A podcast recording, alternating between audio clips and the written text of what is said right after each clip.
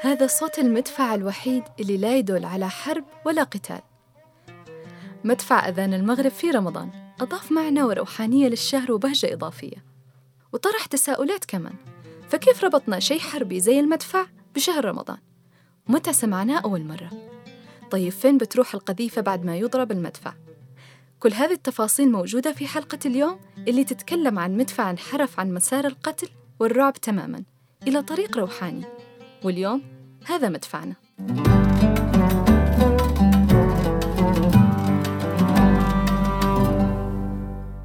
مدفع رمضان هو مدفع حربي داخل قذيفة تنطلق من مكان عالي في المدينة الموجود فيها.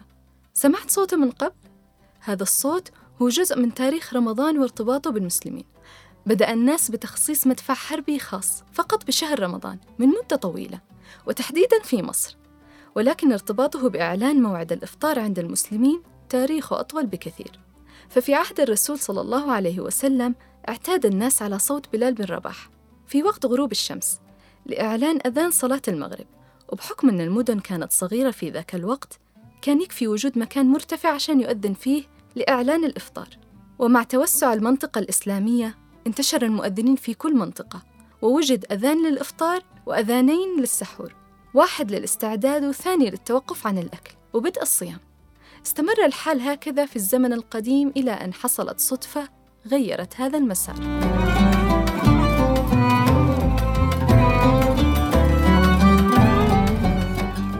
روايات كثيرة تحكي ارتباط صوت المدفع برمضان وكلها تؤكد أن البداية كانت صدفة. الرواية الأولى تقول أنه في عهد السلطان المملوكي خوش قدم سنة 865 ميلادياً.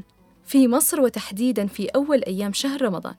كان الحراس يتفقدوا المدافع الحربية الخاصة بالدولة وفي اختبار لصلاحية واحد من هذه المدافع خرجت قذيفة بالخطأ.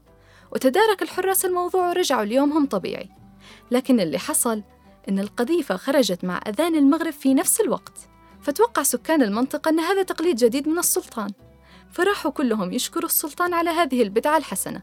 اللي كان سببها غلطة. رواية ثانية تحكي نفس الأحداث لكن في عصر حكم محمد علي باشا سنة 1805 ميلادياً. ورواية ثالثة تحكي نفس الأحداث كمان لكن في عصر الخديوي إسماعيل. وفي عصر الخديوي بالتحديد اختلفت الروايات. البعض قال إن البداية كانت بالخطأ مثل بقية الروايات والبعض يقول أن في هذا العهد كان المدفع قد وجد وعرف لكنه توقف. فطالب الناس الخديوي بإعادة هذه العادة. لكن صادف أنهم التقوا بابنة الخديوي فاطمة اللي استحسنت الفكرة وأعادتها وتم تسمية مدفع رمضان باسم الحجة فاطمة نسبة لها. ورواية أخيرة تجمع بين كل الروايات وهي الأرجح. تقول أن المدفع وجد ومن بعدها توقف في كل الفترات اللي ذكرتها الروايات المختلفة.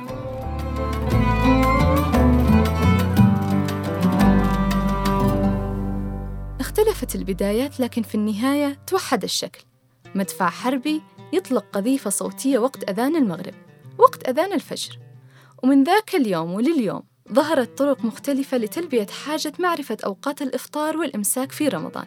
مكبرات الصوت، الإذاعة، التلفزيون وحتى الهواتف تقوم بالواجب وزيادة. لكن استمرت هذه العادة لوقت قريب مش بس في مصر لا بل انتشرت في أرجاء المدن العربية والإسلامية. وفي اليمن أيضاً وجد مدفع رمضان في بعض المدن كتقليد أساسي رمضان مثل تعز وصنعاء القديمة وغيرها.